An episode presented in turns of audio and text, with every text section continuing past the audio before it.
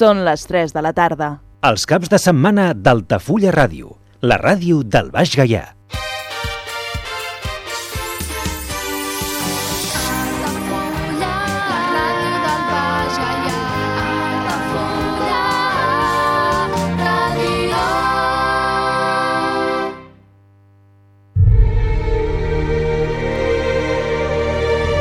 Parlem d'aquell cinema Cinema clàssic a Altafulla Ràdio, amb Andrés de Andrés. on la música de cinema és el fil conductor. Cada cap de setmana a Altafulla Ràdio parlem d'aquell cinema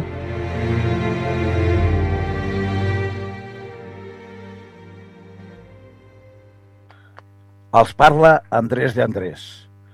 Benvinguts a l'espai radiofònic Parlem d'aquell cinema.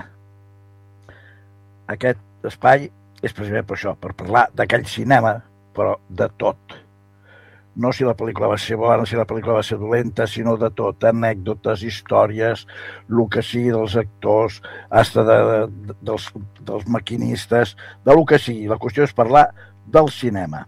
I avui vull parlar d'una pel·lícula. Una pel·lícula que es diu Can Can. Se n'han fet bastantes pel·lícules que el Can Can, aquell ball de París, tan esbojarrat, s'han fet bastantes pel·lícules que el tema principal és el Can Can. Aquí tenim aquesta que es titula precisament Can Can i es va fer l'any 1960. Ara hi ha una altra que també es diu Can Can, que va ser per José Ferrer, però ja més que res domina la vida de Toulouse-Lautrec, que va ser un pintor, i que aquest home, per culpa d'una enfermetat de, de petitet, va quedar curt de cames i l'home doncs, va quedar nano. El seu problema era que, esclar, molta gent se li enreia, però ell no feia cas de tot això, ell anava fent la seva vida. A més a més, ell venia d'una família molt rica i ell, doncs, mentre pogués anar allà a, a, a veure el cancan cada dia, fer esbossos de la gent com ballava i estar-se allà entremig de tota aquella jarana, doncs ell ja en tenia prou. Però anem pel cancan aquest, americana, pel·lícula americana, de l'any 1960. Direm que la fitxa tècnica és aquesta. El director de la pel·lícula va ser Walter Lang. I els intèrprets principals van ser Frank Sinatra, Siglen McLean, Maurice Chevalier i Lou Jordan. Les cançons, la música, de Cole Porter.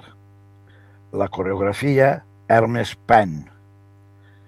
El tema és que estem amb la pel·lícula a l'any 1896 i ens trobem que l'irreverent Cancan està prohibit en París.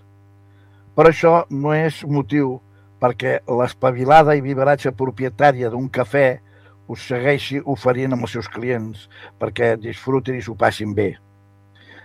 I si pot fer-ho amb una impunitat tremenda és perquè el seu espavilat abogat té un jutge corrupte entre l'espasa i la paret. Però la seva lucrativa confabulació se'n va al passeig, repentinament, amb l'arribada d'un nou jutge que decideix acabar d'una vegada per totes amb aquest comportament immoral. S'ha de dir que de nou tenim una cita amb el nostre admirat compositor Cole Porter. Aquesta vegada, recreat el, recreant el París dels últims anys del segle XIX, el de la vella època, de Montmartre, de Toulouse-Lautrec, del Moulin Rouge.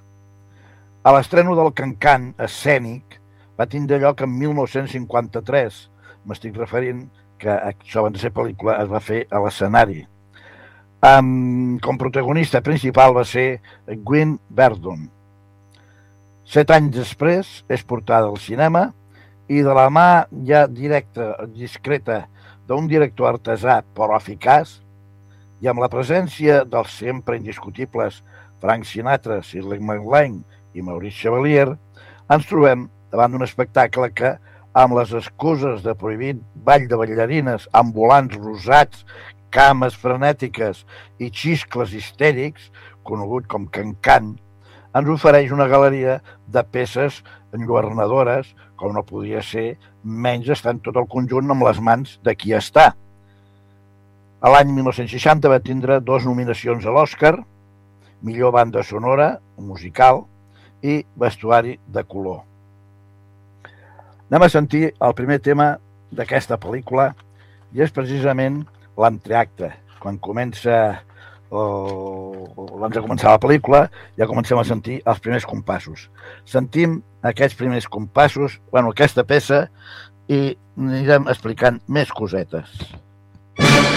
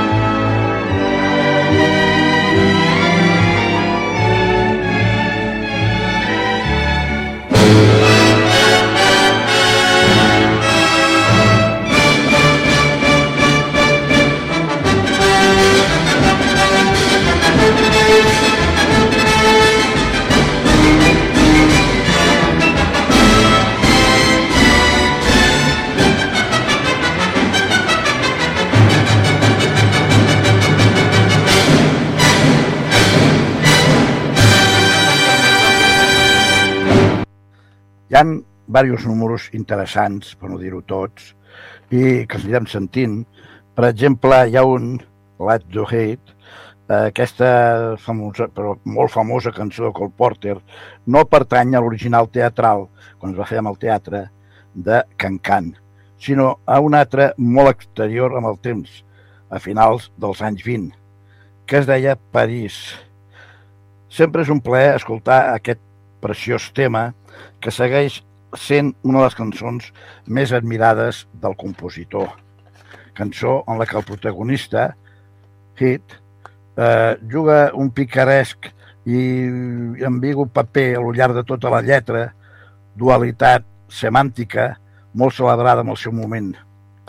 En tots vostès, Frank Sinatra i Shirley Mainland, els sentirem amb un tema que acabo d'explicar, però anem parlant d'altres números. Per exemple, Apache Dance, un dels números més espectaculars des del punt de vista coreogràfic de la pel·lícula, amb la factura clàssica, a la vegada que arriesgada, que caracteritza el sempre efectiu coreògraf Hermes Penn. Aquí la Sylvia McLean està esplèndida.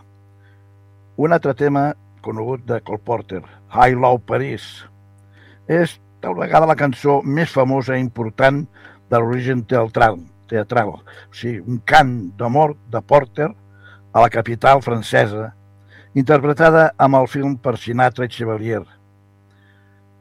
M'ha sigut impossible aconseguir l'escena directa, però podem escoltar el tema com fons d'aquesta extravagant composició escenogràfica i coreogràfica que perteneix al film i que recrea suposadament als jardins de l'Eden. Un altre tema, Just on the Two Strains, Maurice Chevalier i Louis Jordan, amb l'altra de les grans creacions de Cole Porter. Come Along With Me, una Shirley MacLaine, no li fa falta moltes copes de xampany per treure el seu personal e inimitable viscòmica. Can Can, i no podem despedir-nos sense el clàssic ball sobre el que gira tota la trama de la pel·lícula.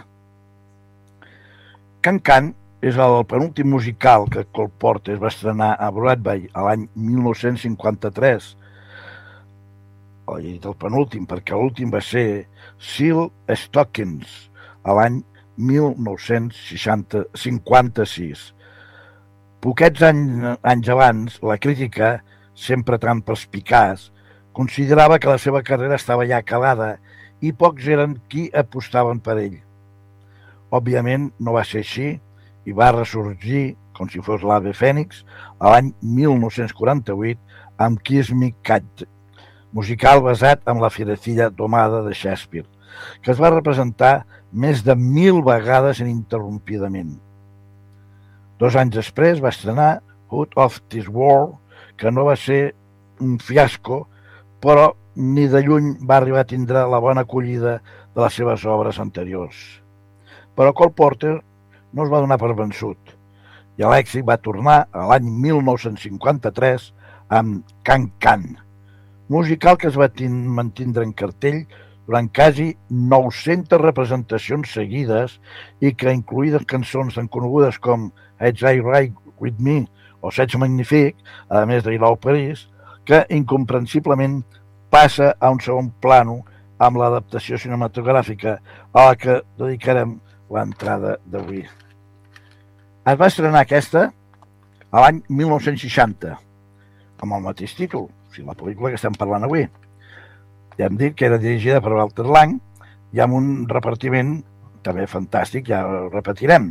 Louis Jordan, Frank Sinatra, Shirley MacLaine, Maurice Chevalier, eh, Juliette Proves. L'acció se situa a París a 1896. Bé, el cancan està prohibit amb el seu cabaret de Simon Pistatx. Simon Pistatx és Shirley MacLaine. I segueix ball- ballant-se i omplint el local gràcies a les artimanyes del seu abogat, François Dournais, que és Frank Sinatra, que té la col·laboració i la complicitat de Paul Barrier, Maurice Chevalier. És un jutge corrupte que no pot negar-se, ja que François sap moltes coses sobre ell i no duraria en exportar-les i ensenyar-les al públic. Però amb això arriba un nou jutge, Philip Forrestier, que és l'artista Louis Jordan, que està disposat a aplicar la llei. El negoci comença ja a, a, a tambalejar-se. La ruïna s'està apropant.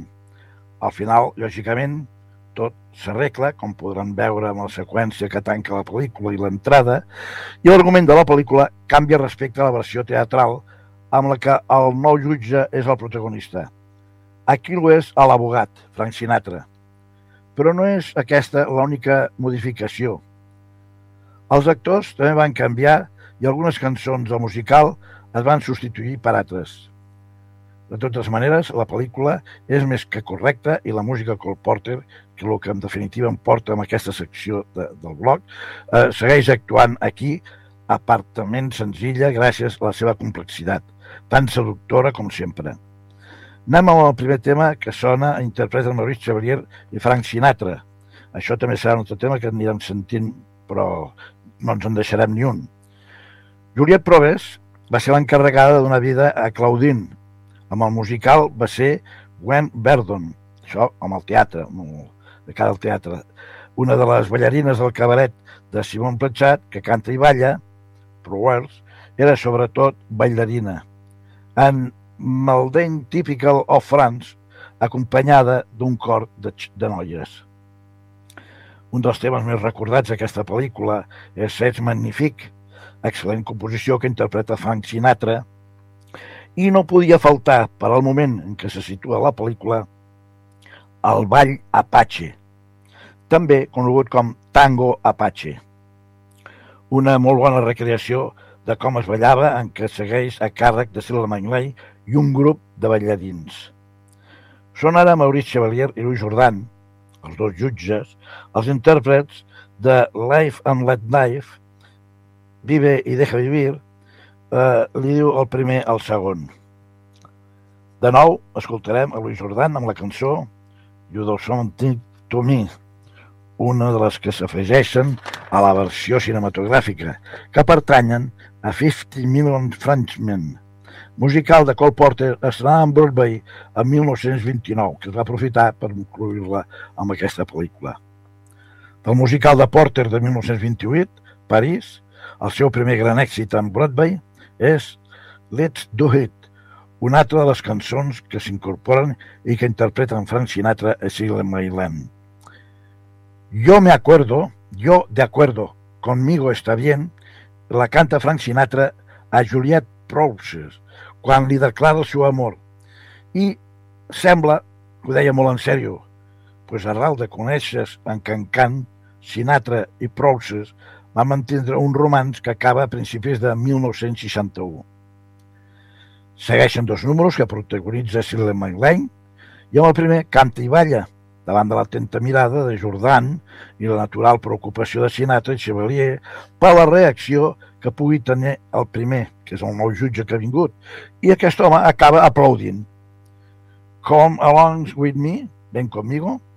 El segon és el ballet The Garden of Eden, amb el que s'escolta la melodia de I Love Paris. Com es comenta al principi, aquesta preciosa cançó va quedar relegada a un segon plano quan el musical va ser portat al cine. I Love Paris, que interpreta Frank Sinatra i Maurice Chevalier, i cuya seqüència ja s'havia filmat, va ser eliminada amb la previ- previsualització de la pel·lícula perquè, segons els productors, trencava el ritme. Sona amb els crèdits, quan surten les lletres, amb orquestra i cor, al inici i al final, i també amb aquesta llarga i vella seqüència. I al final, Chevalier, és dir, el jutge Paul Berrier, tracta de convèncer els jutges que han de decidir si es pot o no ballar el cancan de lo que no és un ball tan immoral com creuen, sinó gossós i divertit. Comprovio, vinguin aquesta nit a veure una actuació, diu, i allà van tots, incluïda la presidència del Comitè de Mujeres que velen per la moralitat, paper que interpreta Ann Codes, amb la que va ser la seva última aparició amb el cinema.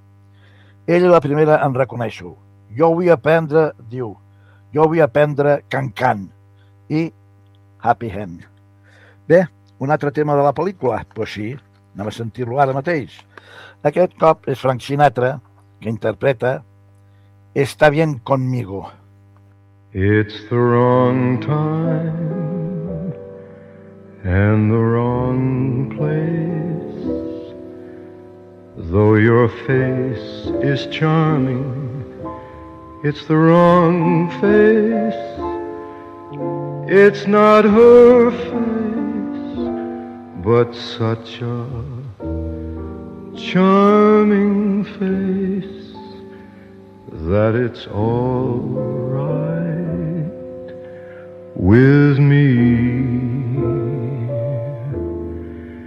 It's the wrong song in the wrong style, though your smile is lovely. It's the wrong smile. It's not her smile, but such a lovely smile that it's all right with me.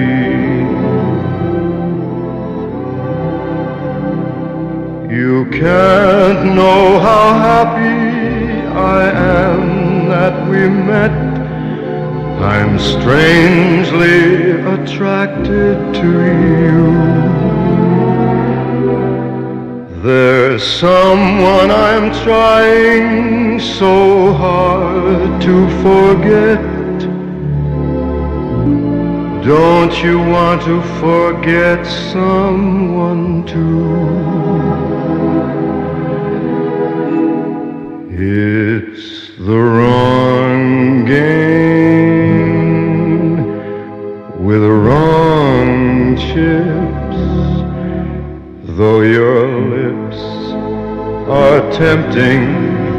they're the wrong lips. They're not her lips, but they're such tempting lips that if some night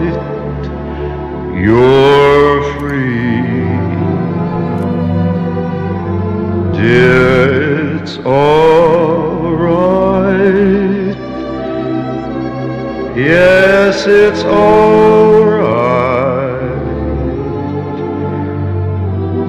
with me.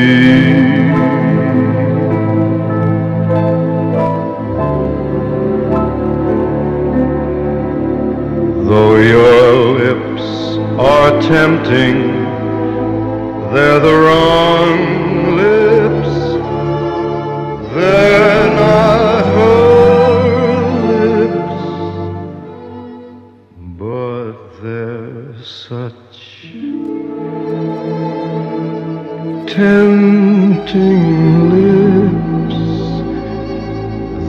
if some night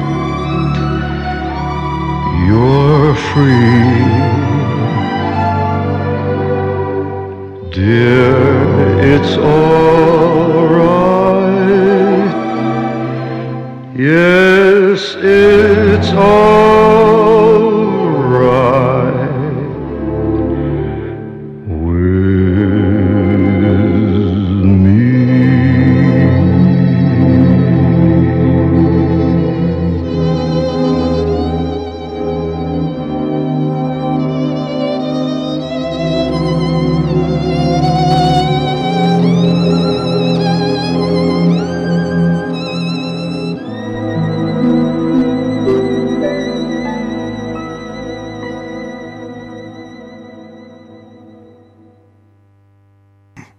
pel·lícula va ser fotografiada en tot a O, sigui, algo més important que el cinemascop.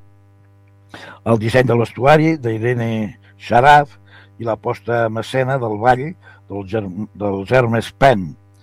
Eh, encara que va tindre un bon desenvolupament amb la versió inicial, no va aconseguir recuperar els seus costos de producció a partir dels seus resultats nacionals. Aquí s'ha de dir que la pel·lícula va costar, eh, en total, va costar 4 milions 995.000 dòlars. I a la taquilla, allà als Estats Units i al Canadà, es van recaudar 4.200 milions. O sigui que faltaven encara 7 milions per arribar a, a, a, al pressupost inicial. Bé, anem a sentir una miqueta més, explicar una miqueta més. La pel·lícula té el que els crítics ara consideren algunes de les cançons més duraderes de Cole Porter, que inclou I Love Paris, Está bien conmigo i Sets Magnific. De totes maneres, amb el moment de l'estreno del programa en 1953, molts crítics es van queixar de que Porter ara estava produint material molt per sota del seu nivell, nivell normal. Algunes de les cançons del musical original de Broadway van ser canviades per altres cançons més famoses de Porter, com Let's Do It, Just on the Tone i You Do Something to Me. O sigui, hagámoslo, solo una de esas cosas, y tú me haces algo. Aguilar París és cantada pel cor sobre els crèdits inicials en lloc de ser cantada en la història real per la Shirley Mayland. Hi ha una sèrie de, de detalls d'aquesta pel·lícula mm, que en fi, tindria que, que estudiar-ho molt bé. Sinatra mm, i Chevalier va filmar la cançó I Love Paris, però es va tallar amb, abans, amb avanços quan l'estudi es va donar compte de que ralentitzava la pel·lícula. Feia que la pel·lícula tornés enrere, tornés més lenta. Es pot trobar una foto de la seqüència amb un article de la revista New York Times el 21 de febrer de 1960. La cançó té lloc poc després de que obri el segon acte amb l'escena en què Chevalier visita Sinatra en un club nocturn. Alteracions a la trama. També la trama del musical també va ser revisada amb la versió teatral. El jutge era el personatge principal. Amb la pel·lícula és l'amant, que és Sinatra, l'amant de l'amo del club nocturn, que és Shirley MacLaine, qui és el protagonista. I el jutge, interpretat per Louis Jordan, forma l'altra meitat d'un triangle amorós que no es troba amb l'obra. El personatge de Paul Barrier, una part del recolzament que no canta amb l'escenari, es va animar i li van donar dos cançons per Maurice Chevalier. Aquí va haver una polèmica internacional. Durant la filmació, el primer ministre soviètic, Nikita Khrushchev, va visitar els estudis del 20th Century Fox i, suposadament, es va sorprendre pels successos. Va aprofitar l'oportunitat per fer ús propagandístic de la seva visita i va descriure el ball i, per extensió, la cultura estadounidense com deprava- depravat i pornogràfic. Bé, encara que molts crítics van disfrutar la pel·lícula, l'opinió crítica no va ser unànime. La pel·lícula va ser catalogada per Variety, la revista principal d'espectacle, com la pel·lícula de més gran recaudació de 1960, de 1960 després de Ben Hur de 1959, amb lloguers estimats amb 10 milions de dòlars, basat en un estimat de 3 milions des de 70 mil·límetres, perquè es va fer en 70 mil·límetres, i després en versió cinemascop normal, fins a desembre de 1960, i de 7 milions estimats a partir de futures projeccions en 35 mil·límetres. Els futurs lloguers que es van fer de la pel·lícula no el van aconseguir i el lloguer de la pel·lícula es va revisar a la baixa a 4.200 milions a l'any següent. Prèmits i nominacions que va tindre aquesta pel·lícula. Prèmit de l'Acadèmia 1961. Nominat, millor disseny de vestuari. Nominat, millor musical original. Els Premis Globo de Oro 1961. Nominada, millor pel·lícula musical. Premis Grammy 1961. Guanyador, millor banda sonora de pel·lícula. El 19 de setembre de 1959, el president Nikita Khrushchev, com he dit abans, del Consell de Ministres de la Unió de la República Socialista Soviètica, URSS, va assistir a un esmorzar celebrat amb el seu humor, amb el seu honor, amb els estudis 20th Century Fox, que va ser organitzat per Spiros P. Soures, jefe de l'estudi, i Eric Johnston, president de la Motion Pictures Association of America. La innovadora Gina de Khrushchev pels Estats Units havia començat quatre dies abans i ell i el seu sèquit havien volat a Los Angeles des de Nova York aquell matí.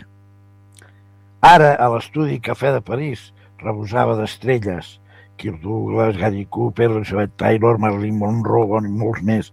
I mentre se sentaven a menjar, Soura es va aixecar per instruir a Khrushchev sobre els beneficis de l'estil de vida americà, de com havia permès ell l'arribada la- dalt de tot a la professió del cinema.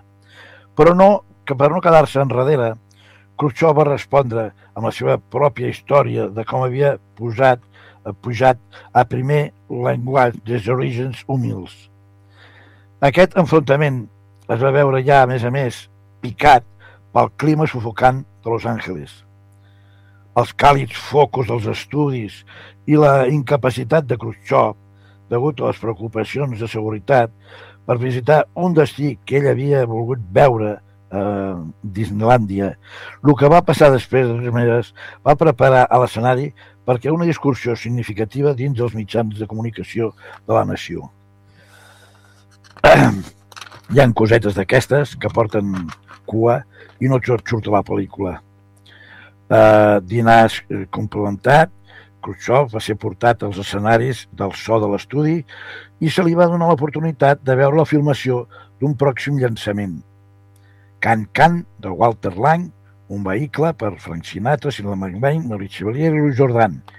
Inicialment, el líder soviètic semblava estar disfrutant de l'atenció dels ballarins, però va canviar ràpidament d'opinió quan els fotògrafos van instar a les dones aixecar-se la fandilla.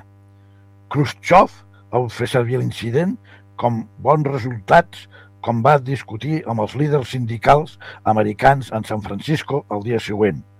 Al respondre a les acusacions de que parteix de la literatura, va ser suprimida amb la URSS la pel·lícula. Khrushchev va suggerir que les idees de llibertat soviètiques i americanes diferien enormement. Com referència a la seva experiència de Cancan el dia anterior, Khrushchev va continuar. Vostès i nosaltres tenim diferents nocions de llibertat. Quan estàvem en Hollywood, vam ballar el cancan per nosaltres. Les noies que ballen tenen que aixecar-se les fandilles i mostrar les seves esquenes. Són bones actrius, honestes, però tenen que realitzar aquest ball. Es veuen obligades a adaptar-se als gustos de les persones depravades.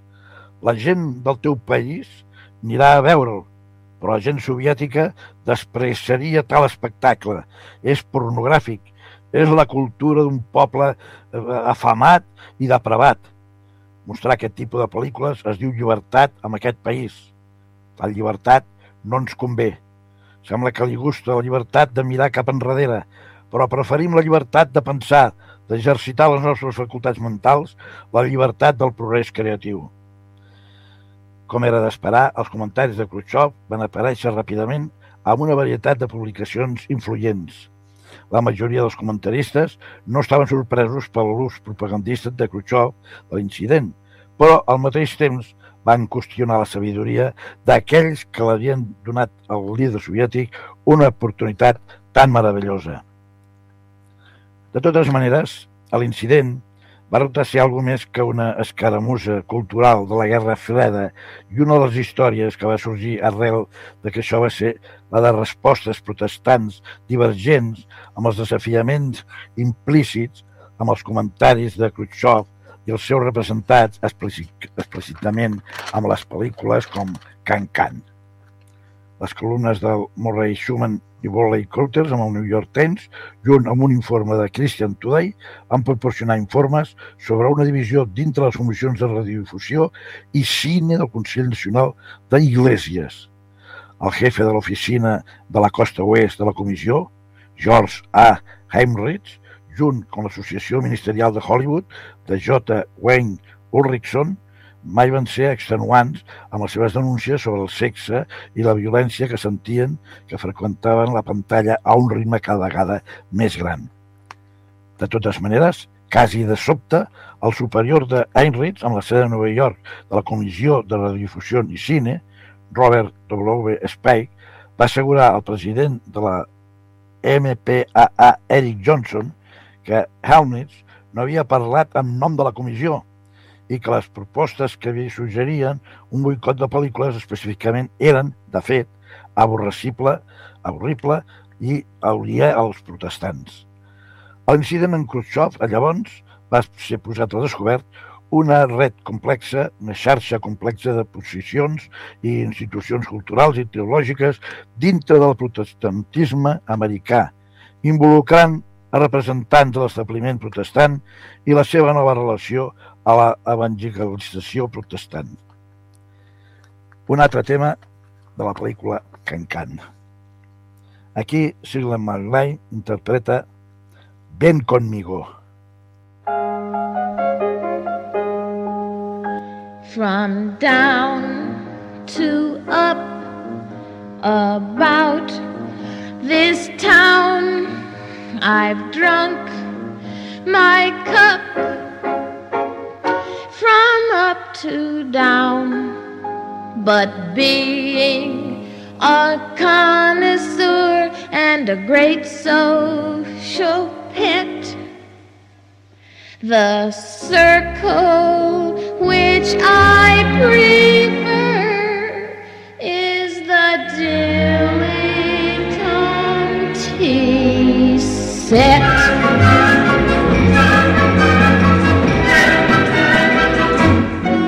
If you want to pass through the gilded gates where the bourgeois meet the sophisticates to exchange their views and to compare their mates, come along with me.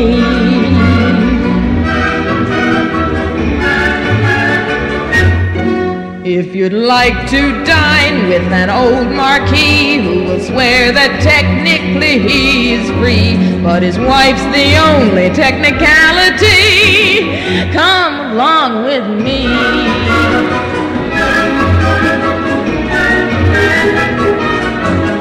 Come along with me, my pretty. Let me open your eyes in this great big wicked city. It is folly not to be wise. And if any night, baby, you would care for an unconventional love affair, I'll improve your mind if you let down your hair. Come along,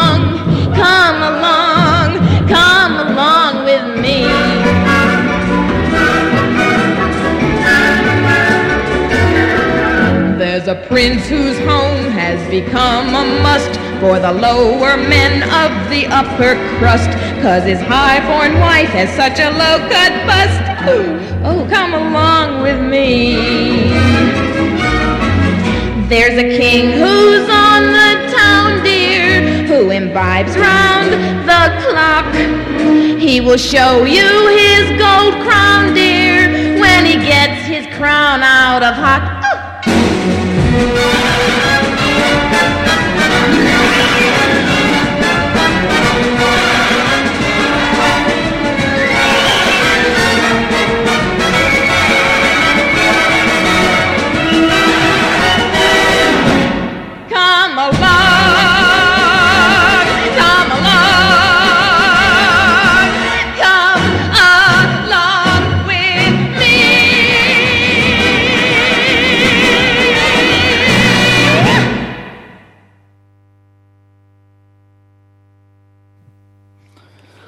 La representació del Cancan per Henry de Toulouse-Lautrec, aquest pintor tan important que he mencionat al principi, a l'any 1000 1895 va, va explicar el cancan o can-can a l'ús sense guió, o sigui, ha qui posa can-can tot junt, i can, guió, can. Pues, l'ús sense guió ve de l'original francès, can-can, i és un ball d'alta energia i exigència física que es va convertir en un conegut music hall de la dècada de 1840, continuant la seva popularitat amb el cabaret francès fins als nostres dies. Originalment ballat per ambos sexes, aquesta tradicionalment associació al femení es troba que les seves principals característiques són les patades altes, split i piruetes vàries. La melodia que més s'associa és el galop infernal de l'Orfeo de los Infiernos de Jacques Offenbach. La cançó va aparèixer per primera vegada amb els salons de ball de la classe treballadora del barri parisín de Montparnasse. Això va ser al voltant de 1830. Era una versió més animada del galop, un ball ràpid amb un compàs de 2x4, el qual solia ser la figura final de la quadrilla. Per tant, el cancan era originalment una dansa per parelles, les quals realitzaven patades altes i altres gestos amb els braços i les entrecames. Es creu que aquests van ser influenciats pels moviments d'un popular animador dels anys 1820, Charles Mazurier, qui era molt conegut per les seves demostracions acrobàtiques, les quals incluïen el gran Eckhart, que més tard seria una característica popular del cancan. Per aquest moment i durant la major part del segle XIX a França, el ball també va ser conegut com el chahout. Aquests termes són francesos. Cancan significa escàndol, mentre que chahout significa soroll o, algaveria. A mida que els ballarins al cancan es van tornar més, eh, més espavilats, més habilidosos i arriesgats, van anar desenvolupant gradualment una existència paral·lela com a entreteniment, a més de la forma participativa. Uns pocs homes van ser estrelles del cancan entre els anys 1840 i 1860, però les dones ballarines van ser molt més populars. Aquestes eren majorment cortesanes de mediana categoria i sols animadores semiprofessionals. A diferència de les ballarines dels anys 1890, tal com la Goulous o Jane Avril, que eren molt ben remorades per les seves representacions amb el Moulin Rouge i a altres llocs. Aquestes dones van desenvolupar els variats moviments del cancan que van ser després incorporats pel coreògraf Pierre Sandrini amb l'espectacle Cancan francès, el qual va presentar amb el Moulin Rouge amb els anys 1920 i amb el seu propi Bal Tabarín a partir de 1928. En 1924 es va estrenar la primera presentació en Londres al musical Can Can. Un altre tema que ara sentirem amb les veus de Maurice Chevalier i Louis Jordan, a l'abogat corrupte, Maurice Chevalier, i Louis Jordan, a l'abogat que vol posar la llei a l'ordre. El tema, vivir i dejar vivir.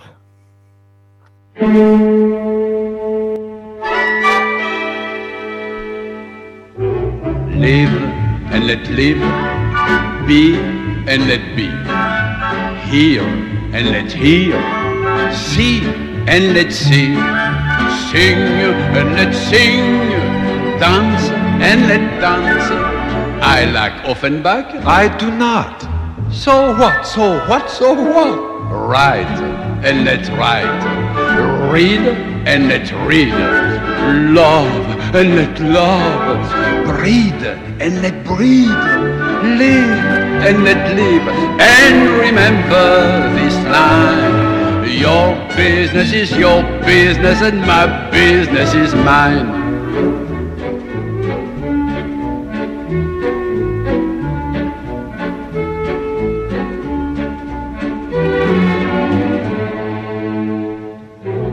Live and let live. Live and let live. Do and let do. Do and let do.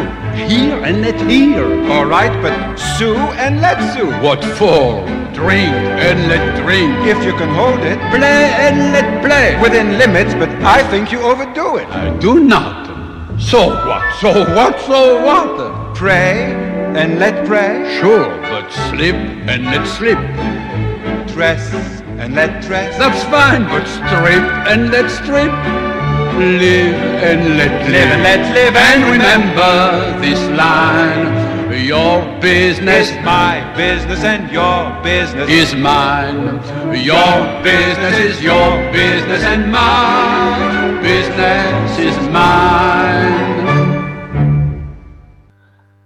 El can-can es balla amb un compàs de 2 per 4 i en l'actualitat s'acostuma a ballar amb un escenari formant una filera.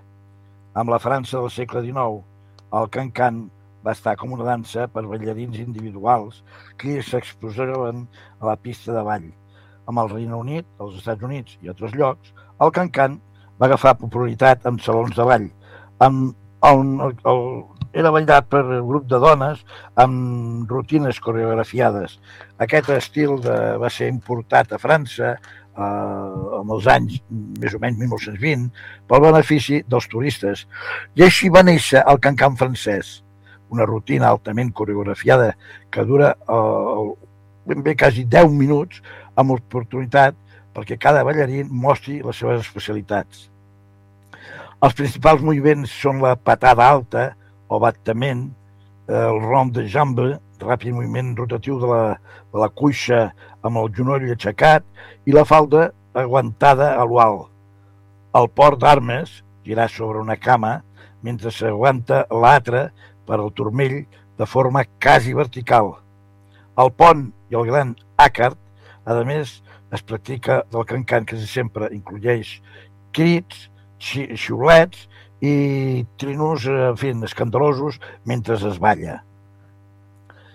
El cancan amb la cultura, pues, George Seurat eh, va dir del cancan, va ser un home que entre 1889 i 1890 va, va fer, fer una miqueta de, de, de comentaris. Molts compositors han escrit música per al cancan.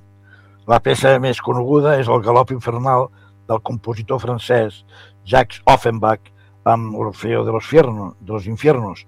Eh, això va ser l'any 1858. Uns altres exemples es poden apreciar en 1905 per Frank Leher amb el musical Can-Can de 1954 de Cole Porter, el qual va formar la base per la pel·lícula musical de 1960, també titulada Can-Can, de Walter Lang, en Sylvain Manglain, Frank Sinatra i Maurice Chevalier.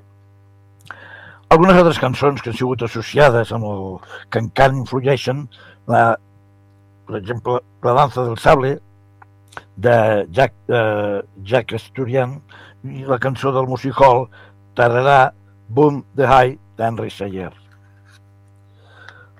El cancan ha sortit freqüentment amb el ballet. Sent els més notables, la Boutique Fantasma de 1919, Gaité Parisine de l'Oni de Massine, així com La Viuda Alegre, ballet, i un exemple particularment bo pot veure's amb el clímax de la pel·lícula French Cancan de 1954 de Jean Renoir. El pintor francès Henri de Toulouse-Lautrec va produir diversos quadros i una gran quantitat de pòsters sobre les bailarines de Cancan. Uns altres pintors que han tractat el Cancan com tema amb les seves obres incloeixen a Georges Seurat, Georges Rousseau i Pablo Picasso. El principal de, del cancan és el peu en l'aire. El cancan cristal·litza la imatge d'una societat parisina filòbila, perdó, frívola i canalla, la qual és descrita caric caricaturalment amb la vida parisien de. En una de les escenes, les dones mostren la seva roba interior aixecant els seus encaixos i la provocació barrejada en complicitat, això va fer furor. Les mitges negres i els portalligams agafen fent cognoms molt gràfics i amb gran connotació sexual. El cancan simbolitza allà un primer panorama de lliberació sexual i emancipació de la dona, que és ara qui sedueix. Guia de los placeres de París, de 1898, per la seva part, dona la següent descripció de les ballarines.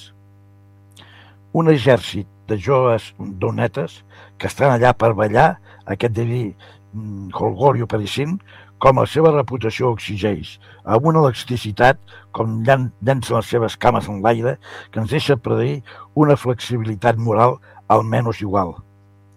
Amb el cinema, French Cancan, 1954, de Jean Renard, amb Jean Gavin i Maria Fèlix. Cancan, 1960, de Walter Lang, música de Cole Porter, Frank Sinatra, Maurice eh, Chevalier i Shirley MacLaine. Jo no sé si vostès l'han vist la pel·lícula, però si tenen l'oportunitat no se la perdin perquè passant un bon rato. Ara sentirem a Luis Jordan cantant un tema que es titula Me haces algo. You do something to me, something that simply mystifies me.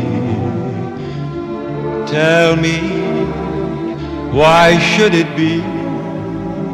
You have the power to hypnotize me. Let me live neath your spell do do that voodoo that you do so well for you do something to me that nobody else can do.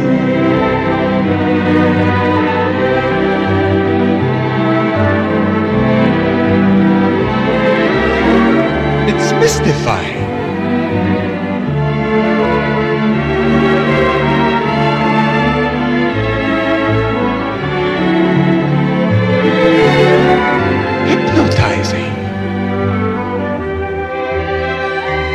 Let me live neath your spell.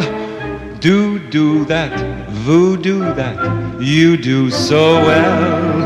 For you do something to me that nobody else, that nobody else,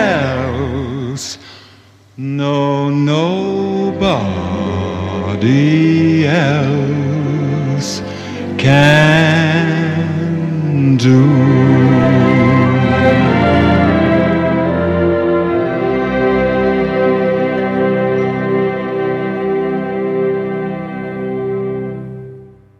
Aquí ens trobem amb aquesta pel·lícula que es va presentar a Juliette Prowse amb el seu primer paper amb el cinema. Sinatra, a qui se li van pagar 200.000 dòlars, junt amb un percentatge dels, dels beneficis de la pel·lícula, va actuar amb la pel·lícula sota una obligació contractual que li va demanar la 20th Century Fox després d'abandonar el set de Carrusel en 1955. La pel·lícula Carrusel tenia que actuar ell, però al final no es va fer. bueno, aquí hi ha moltes explicacions de, de lo que és la pel·lícula. Eh, aquí parlem una altra vegada de, de l'argument.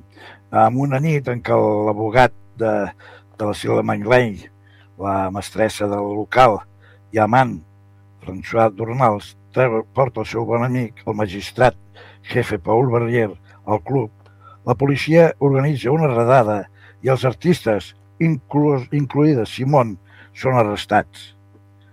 Paul desitja que es desestimin els càrrecs, però el seu col·lega més jove, Philippe Forestier, creu que les lleis contra la indecència pública s'han de fer complir. Com visita el cabaret i fingeix ser una altra persona, allà com d'incògnit, Philip coneix millor a Simon i desenvolupa un interès romàntic amb ella. Però la ballarina Claudine li adverteix que ell, en realitat, un jutge. A pesar de la seva atracció per ella, Philip fa arreglos perquè Simon sigui arrestada una vegada més. François intenta xantejar a Philip amb una fotografia comprometedora i amb un esforç per aconseguir que retiri els càrrecs no hi ha res a fer. De totes maneres, Philip ja havia decidit de tindre el cas. Després sorprèn a Simon al proposar-li matrimoni. Ella va amb François i adverteix que acceptarà la proposta si ell no es casa amb ella. Mentrestant, Paul intenta dissuadir a Philip, creient que tal arreglo acabaria amb la seva carrera. François ignora el seu consell. Simon després s'avergonyeix, emborratxant-se amb un viatge amb un vaixellet petit, una espècie de, de, de, de barquet, però de la classe alta de París. Després salta del, del barquet i cancela el compromís. Simon obté un préstec de François per organitzar una pilota, insistint en que accepti una escritura del cabaret com garantia. La policia ve aquesta vegada i s'emporta François en lloc d'amb ella. Simon li escriu una carta a Philippe, dient que amb bona consciència no pot convertir-s'hi en la seva nòvia, un encara es realitza amb l'aprovació de tots, acordant que no és de cap manera obscena, que no és cap manera pecaminosa. De totes maneres, quan la policia escolta Simon a un carro fet servir per presoners, ella se sorprèn al trobar François a dintre i se sorprèn encara més quan finalment s'ho proposa. Anem a sentir l'últim tema d'avui, Frank Sinatra i la Manilany, amb el tema Hagámoslo. Amb aquest tema, Andrés d'Andrés es despedeix de tots vostès fins al pròxim espai que seguirem parlant de el cinema. Parlem d'aquell cinema? Oh sí, senyor, seguirem parlant d'aquell cinema. Why, even in France, the best opera sets do it. Lithuanians and let's do it. Let's do it, let's fall in love. In old Japan, all the Japs do it. Up in Lapland, little Laps do it. Let's do it, let's fall in love. The Dutch in old Amsterdam do it, not to mention the Finns. Folks in Siam it, think of Siamese twins. In shallow shoals, English souls do it. Goldfish in the privacy of bowls do it. Let's do it, let's fall in love. The chimpanzees in the zoos do it. Some courageous kangaroos do it. Let's do it, let's fall in love. On the slide do it, even eagles as they fly do it. Let's do it, let's fall in love. Electric eels, I might add, do it, though it shocks them, I know. Why ask if shad do it? Garçon, the shad row. The world admits bears in pits do it. Even Pekingese at the Ritz, do it. Let's do it. Let's fall in love.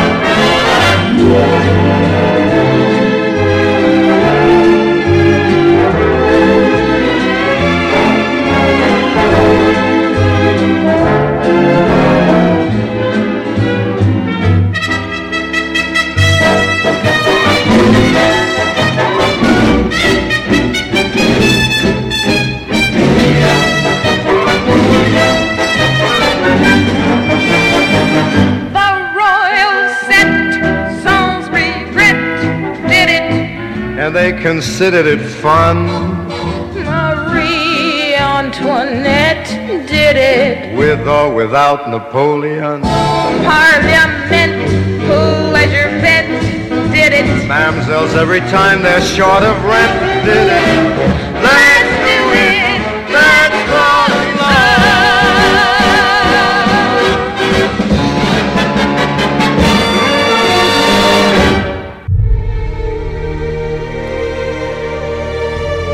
Parlem d'aquell cinema Cinema clàssic a Altafulla Ràdio, amb Andrés de Andrés.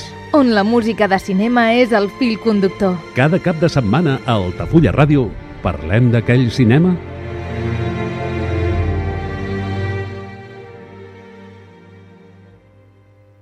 Ja coneixes les propostes que t'ofereix el Club Marítim Altafulla? Vine i descobreix totes les nostres activitats. Sortides en caiac o pa del surf, cursos de vela per a totes les edats... No t'ho perdis i gaudeix d'un dels esports més segurs d'aquest any. Club Marítim Altafulla. Obert tot l'any i per a tothom. El centre d'Esports Altafulla juga una temporada més a Altafulla Ràdio. Els groc i negres s'han de refer de la derrota al camp de Montblanc amb una victòria davant el filial del Ruidoms i ho han de fer a casa el Joan Pijuan davant l'afició per seguir el ritme del Segur i l'Atlètic Baix. Aquest dissabte, a dos quarts de cinc de la tarda, segueix el partit en directe a través d'Altafulla Ràdio al 107.4 de la freqüència modulada al web www.altafullaradio.cat, l'aplicació per a dispositius mòbils o la televisió digital terrestre. El futbol més modest sona Altafulla Ràdio.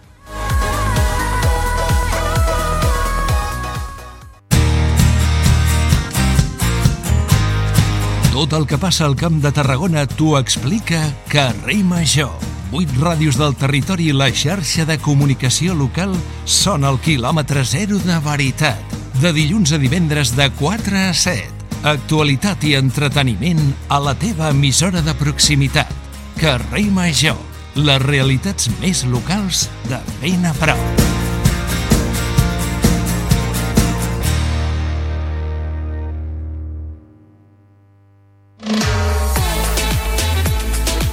Vols anunciar-te a la ràdio?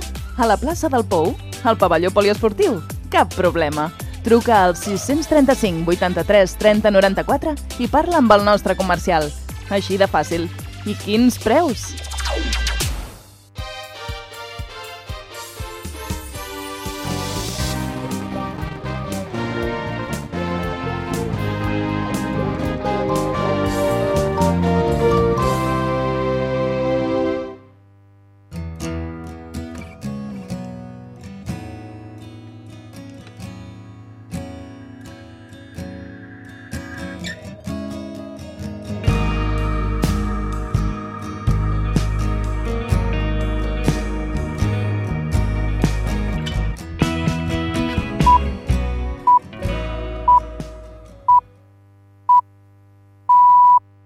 Són les 4 de la tarda. Els caps de setmana d'Altafulla Ràdio, la ràdio del Baix Gaià.